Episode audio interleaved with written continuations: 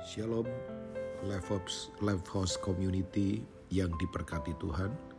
Satu Raja-Raja pasal 17 ayat yang kedua dan ketiga berkata, Kemudian datanglah firman Tuhan kepadanya, Pergilah dari sini, berjalanlah ke timur dan bersembunyilah di tepi sungai Kerit di sebelah timur sungai Yordan. Kita tahu bahwa waktu itu terjadi kekeringan karena hujan tidak turun, yaitu atas seizin Tuhan sebab orang-orang Israel itu meninggalkan perjanjian. Jadi sering kali Tuhan disiplin itu supaya hidup umatnya kembali kepada ordernya Tuhan, perjanjian dengan Tuhan ya karena itu penting sekali. Nah, waktu terjadi kekeringan ya yang luar biasa, Tuhan tetap pegang kendali. Ya, Tuhan punya banyak cara untuk menolong uh, umatnya. Dia suruh Elia untuk pergi ke Sungai Kerit. Ya, kita tahu Kerit itu artinya pemotongan, ya atau kemudian dipersihkan. Itu supaya uh, seperti Alkitab berkata, pohon yang tidak berbuah dipotong, tapi yang berbuah ya dibersihkannya supaya lebih lebat lagi berbuah.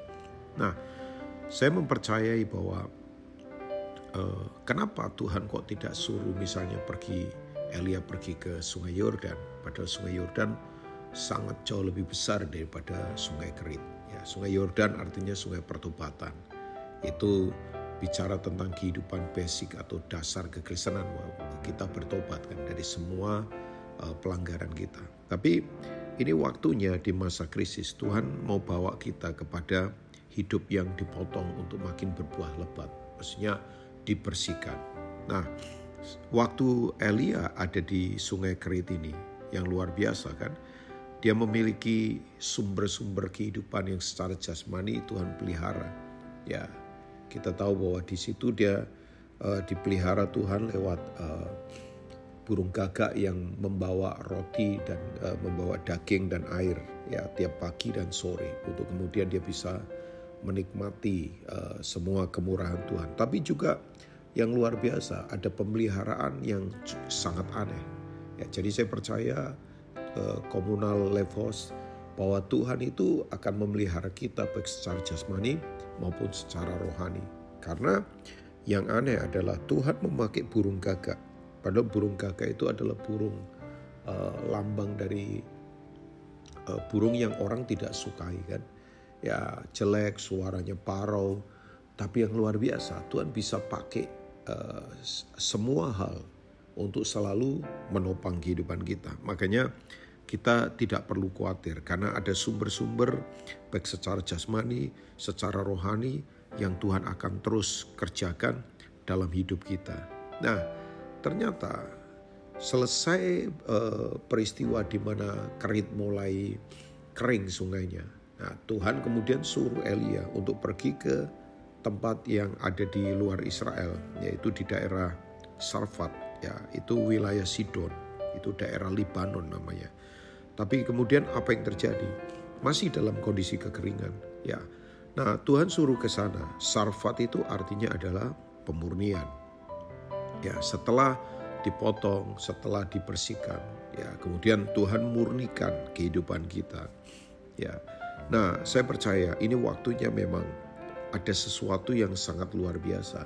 Saya yakin bahwa dunia akan semakin terpuruk, dunia akan semakin jahat, dunia akan semakin tidak adil. Tapi saya percaya juga ini waktunya uh, umat semakin dimurnikan karena orang benar akan pasti disertai Tuhan diangkat bersinar untuk berdampak. Ya. Nah, kalau kita tidak dimurnikan, maka kita bisa menjadi orang yang uh, tidak siap menghadapi semua hal yang akan terjadi di depan ini.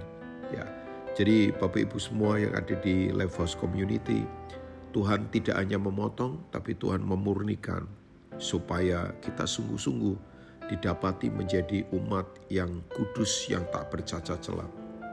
Saya percaya pemeliharaan Tuhan tidak akan pernah berhenti.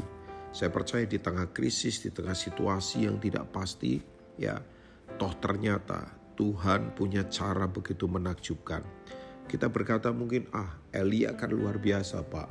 Dia bisa mendatangkan api, dia kemudian bisa melakukan banyak mujizat. Tapi kita jangan lupa, Yakobus berkata, Elia itu manusia biasa yang sama seperti kita. Ya, tapi dia punya kesungguhan hati. Nah, kalau kriterianya adalah kesungguhan hati, berarti setiap orang punya potensi itu. Bahwa Tuhan memang mau kita sungguh-sungguh hati terhadap dia. Jadi Bapak Ibu percayalah, kalau kita sekarang ada di kerit dan Tuhan bawa kita ke salvat, jangan marah, jangan kecewa. Dia potong, dia bersihkan dari semua hal yang salah. Supaya kita layak menjadi umatnya yang tak bercacat celah. Tuhan Yesus memberkati.